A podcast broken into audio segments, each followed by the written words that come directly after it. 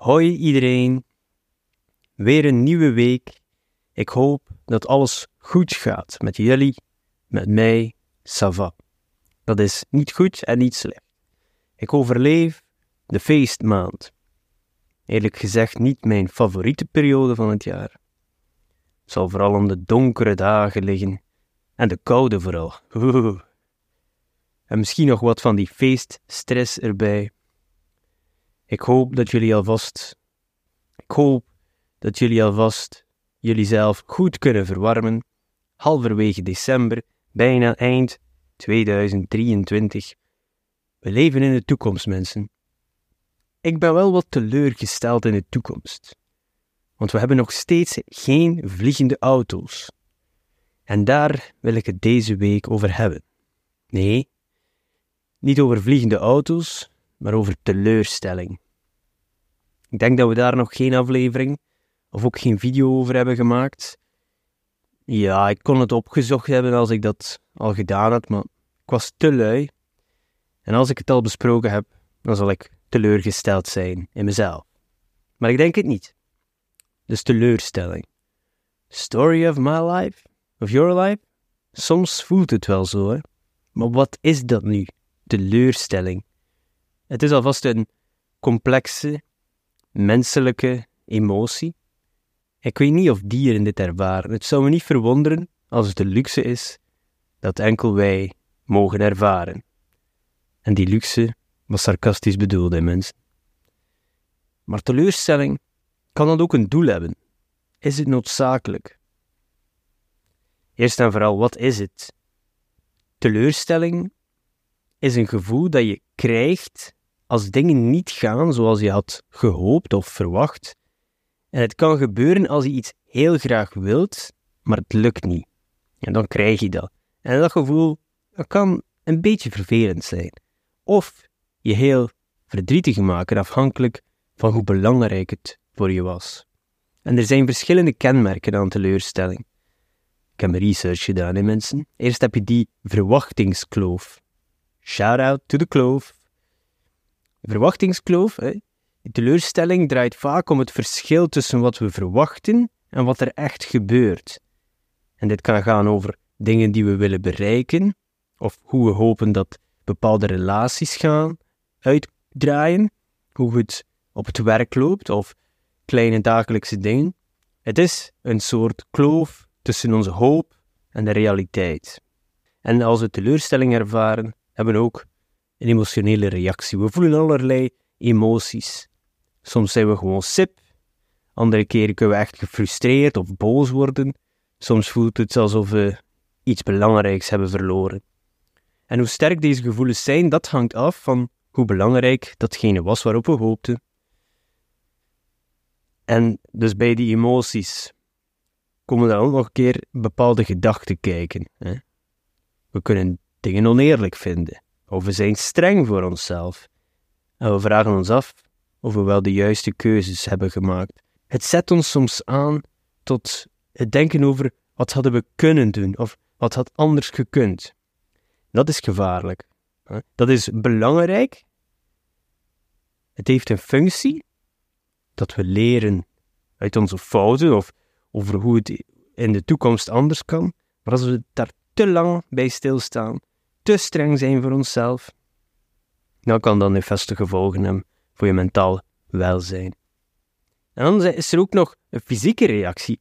Ons lichaam reageert. Het is niet alleen iets dat we voelen in ons hoofd. Het kan lichamelijk zijn. Misschien voel je een zwaar gevoel in je borst, of ben je sneller moe, of heb je minder energie. dus net zoals bij alle andere emoties reageert ons lichaam ook op teleurstelling. En dat zijn dus de dingen die gebeuren wanneer we teleurstelling ervaren. Het is een mix van wat we verwachten, hoe we ons voelen, wat we denken en hoe ons lichaam reageert. Het is helemaal normaal dat we dit allemaal ervaren en het begint vroeg. Al sinds onze kindertijd hebben we ermee te maken.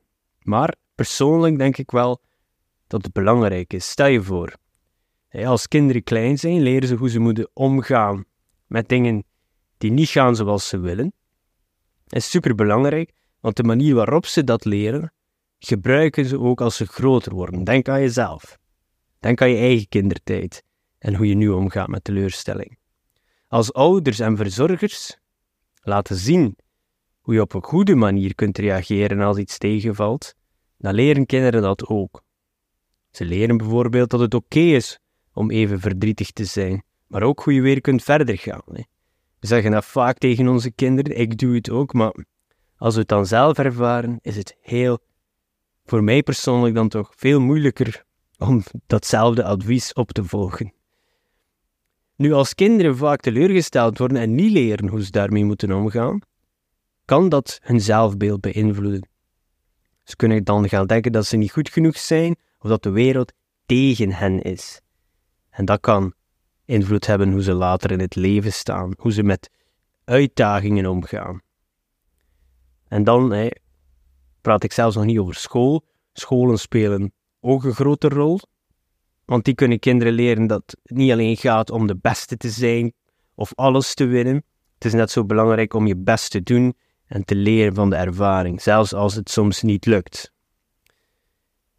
En dit helpt kinderen om om te gaan met teleurstellingen zonder dat ze zichzelf meteen als mislukking zien. Dus het begint eigenlijk allemaal als we nog heel klein zijn. Als we leren omgaan met de dingen die niet gaan zoals we willen. Dat we niet over alles controle hebben. Dat bepaalt een heel groot deel van hoe we als volwassenen met teleurstellingen omgaan. We leren eigenlijk heel vroeg om veerkrachtig te zijn. Is iets wat we ons hele leven kunnen gebruiken. Heel interessant onderwerp over een niet zo leuk gevoel, maar het lijkt dus toch wel nuttig te zijn. En dan dacht ik, hoe ziet de wetenschap dit?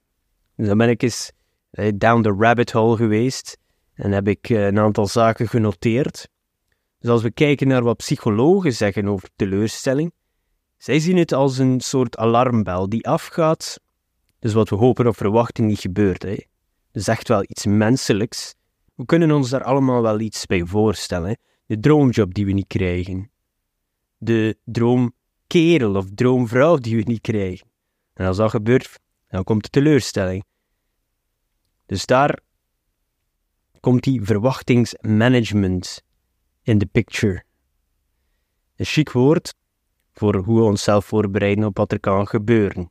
Stel je voor dat je altijd denkt dat alles altijd perfect zal gaan, dan is de klap groot als het niet zo is. Maar als je realistisch bent over wat kan gebeuren, dan kun je beter omgaan met dingen als ze anders lopen. Ik ben zo iemand die altijd worst case scenario uh, verwacht. Uh, dat kunnen ze ook pessimistisch doen. Uh. Dus, maar psychologen zeggen dus ook dat teleurstelling niet alleen maar slecht is. Het kan ons helpen te leren en te groeien, zoals ik net zei. Dus we gaan inderdaad gaan nadenken over wat er misging, hoe we dingen anders kunnen. En dat is waardevol, zoals ik daarnet al zei, maar ik vind het ook gevaarlijk als we te lang daarin woelen. Maar het kan je helpen om beter te worden in het inschatten van situaties en in het maken van keuzes. Dus vanuit psychologisch perspectief gaat het echt over verwachtingen stellen, hoe we reageren als dingen niet lopen zoals gehoopt, iets waar we allemaal mee te maken krijgen en het mooie is, we kunnen er veel van leren. En het is ook interessant om dan te gaan zien wat er eigenlijk in onze hersenen gebeurt. Wetenschappers, zij hebben ontdekt dat bepaalde delen van onze hersenen actiever worden als we teleurgesteld zijn. En een heel belangrijk deel van onze hersenen die hierbij betrokken is, heet de prefrontale cortex. Dat klinkt misschien ingewikkeld. Het is eigenlijk het deel van je hersenen dat helpt bij het regelen van je emoties en het nemen van beslissingen. Dus als we teleurgesteld zijn, is dat deel van de hersenen druk bezig.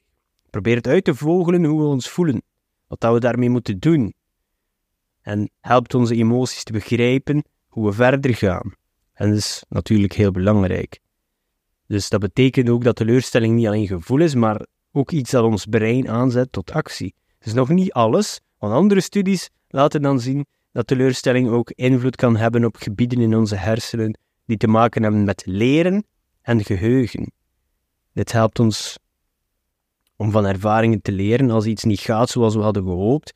Onze hersenen onthouden dat, zodat we in de toekomst betere keuzes kunnen maken. Of andere keuzes. Beter is misschien niet altijd het juiste woord. We zullen andere keuzes maken en de tijd zal dan wel uitwijzen of ze beter waren of niet. Dus het betekent, ja, teleurstelling, dat dat een complex proces is, die ons helpt om te groeien en te leren. En on this podcast, en overal waar ik aanwezig ben, that's what we are about. Het is niet alleen een emotie, maar ook een manier voor onze hersenen om te reageren op de wereld om ons heen en ons helpen uh, die, ik ging weer betere beslissingen zeggen, om andere beslissingen te nemen. Dus het is een continu proces. Hè.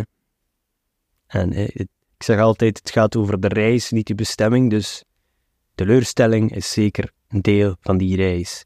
Dus ik zeg, als je volgende keer teleurgesteld bent, onthoud dan, het is niet alleen een gevoel, het is een teken dat je hersenen hard aan het werk zijn om je te helpen begrijpen en te leren van wat er is gebeurd. Maar kan het ook schadelijk zijn? Als we heel vaak teleurgesteld zijn en als we die gevoelens niet goed verwerken, dan kan dat op lange termijn toch wel problemen veroorzaken. Misschien hebben jullie dat ook al ervaren, misschien ervaren jullie het nog. Als we telkens weer teleurgesteld worden en we stoppen die gevoelens gewoon weg, zonder ermee om te gaan, ah, dat kan leiden tot ja, chronische stress, noemen ze dat. En dat is een, een soort aanhoudende stress die maar niet weggaat. En dat, yo, dat is echt zwaar voor je lichaam en geest. En ook kan het gebeuren dat je door heel veel teleurstelling een laag zelfbeeld krijgt. Dat betekent dat je misschien gaat denken dat je niet goed genoeg bent, of dat je altijd pech hebt. Dat kan je gevoel van eigenwaarde echt aantasten. En in sommige gevallen, als die gevoelens van teleurstelling echt heel diep zitten en lang aanhouden, dan kan het zelfs leiden tot depressie. En die gemoedstand is toch wel heel ernstig. Eh, ik weet hoe het voelt. Je voelt je neerslachtig, hopeloos. En dat is niet alleen gewoon een keer een slechte dag hebben, dat is een aandoening die je dagelijks leven wel serieus kan beïnvloeden. Het is belangrijk om te weten, dus het is niet erg om je soms teleurgesteld te voelen, dat is normaal. Maar het is ook belangrijk om die manieren te vinden om met die gevoelens om te gaan. En ze zeker niet laten opstapelen.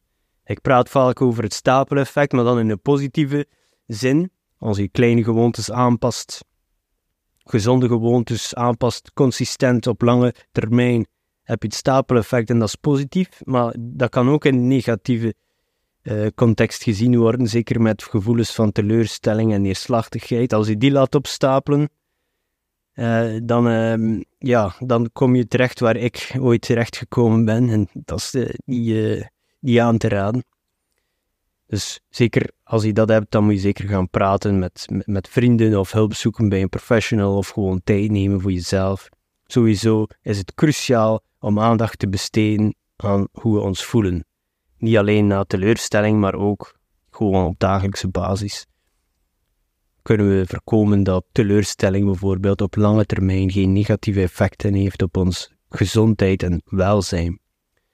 Het is een heel belangrijke emotie voor onze ontwikkeling, maar we moeten er zeker leren mee omgaan. Uh, maar makkelijk is het niet. En heb ik ook keer gekeken naar de culturen, want mensen, hoe ze met teleurstelling omgaan, dat verschilt echt in, in culturen.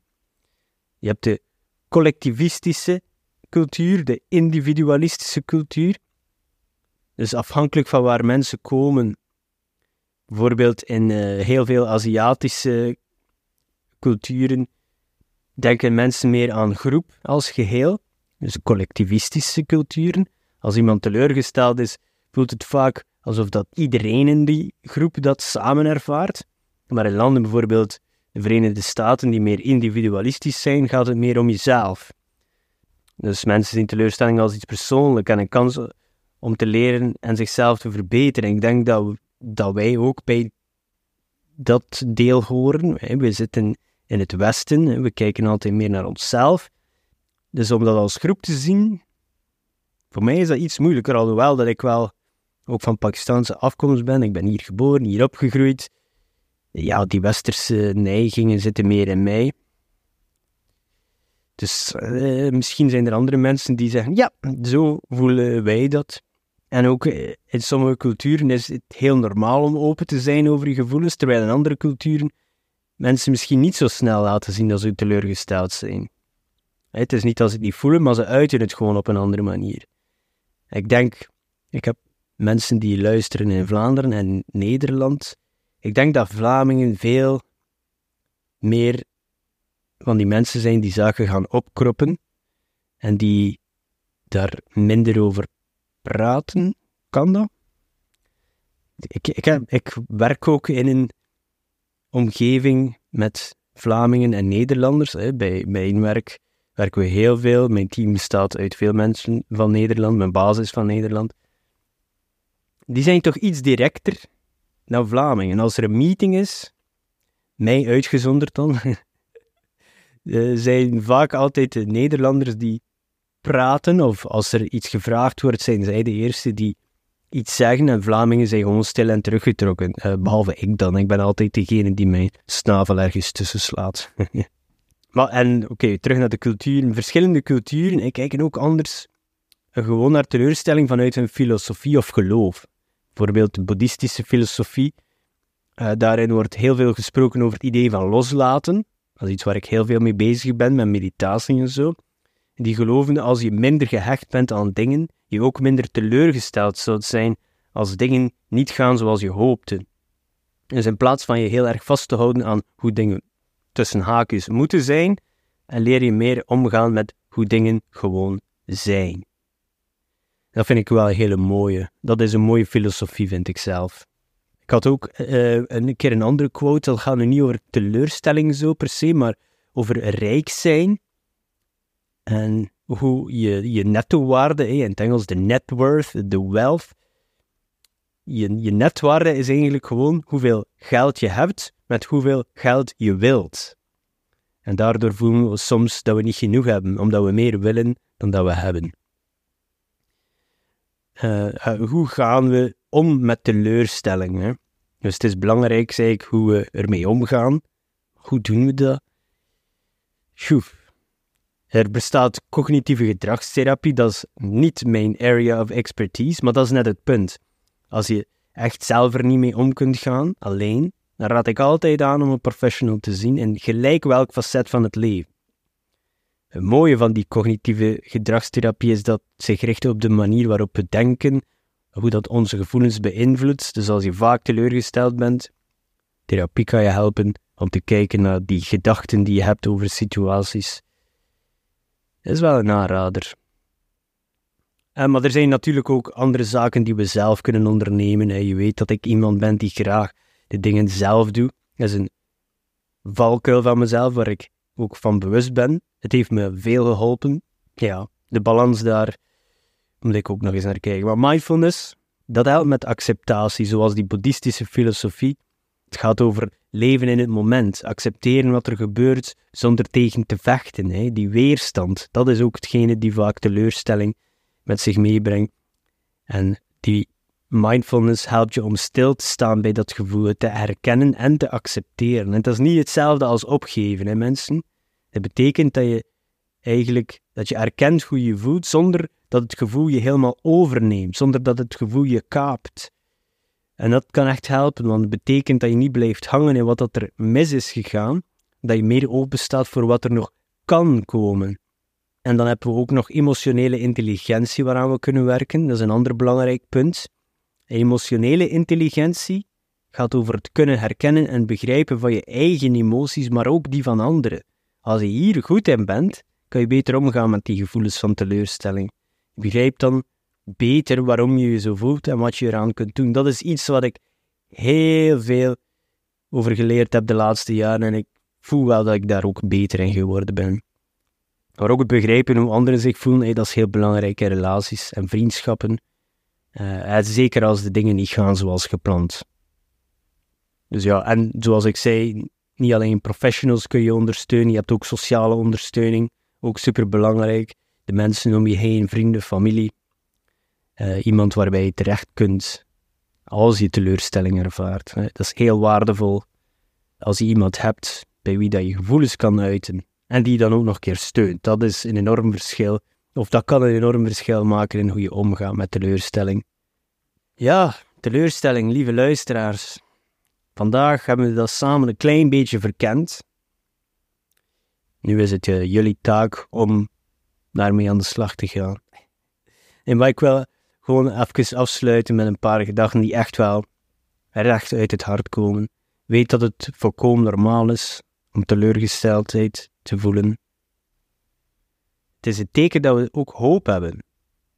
En dat we dromen en dat we er naar streven om ons leven te verbeteren. En ik weet dat het soms pijn doet, maar het is ook een bewijs van onze moed om te blijven hopen en dromen. En hier is iets uh, dat we niet altijd horen, zeker de mannen onder ons. Het is oké om niet altijd sterk te zijn. Het is oké om je kwetsbaar en onzeker te voelen als dingen niet gaan zoals je had gehoopt. En dat zijn die momenten die ons menselijk maken hè? En, en verbinden met, met elkaar. Onze gedeelde ervaringen van teleurstelling brengen ons ook dichter bij elkaar, waardoor we ons minder alleen voelen hè, in deze strijd. En terwijl dat wij ons pad bewandelen, is het ook belangrijk dat we onszelf herinneren aan, aan die kracht van hoop, maar ook veerkracht. En wat dat je zeker moet onthouden is dat elke teleurstelling ook een les is, kans om te groeien en te leren. Het leven is een reis met ups en downs. Het is de moed om door te gaan, zelfs na teleurstelling, dat is hetgene die ons definieert. Dus gewoon, omarm je gevoelens, wees zacht voor jezelf, niet te streng voor jezelf. En vergeet niet dat na elke storm, hoe donker ook, dat de zon weer zal schijnen. Je bent niet alleen in die reis. Hè. We zijn allemaal samen daarin. En prachtig, maar soms uitdagende, maar altijd wonderlijke avonturen dat wij het leven noemen. Dus dank je wel voor het luisteren. En onthoud, kracht ligt niet alleen in die vreugde van succes, maar ook in je vermogen om op te staan na teleurstelling. Just keep showing up. Tot de volgende keer. Zorg goed voor jezelf. Wees niet te streng voor jezelf. En voor elkaar. Ciao.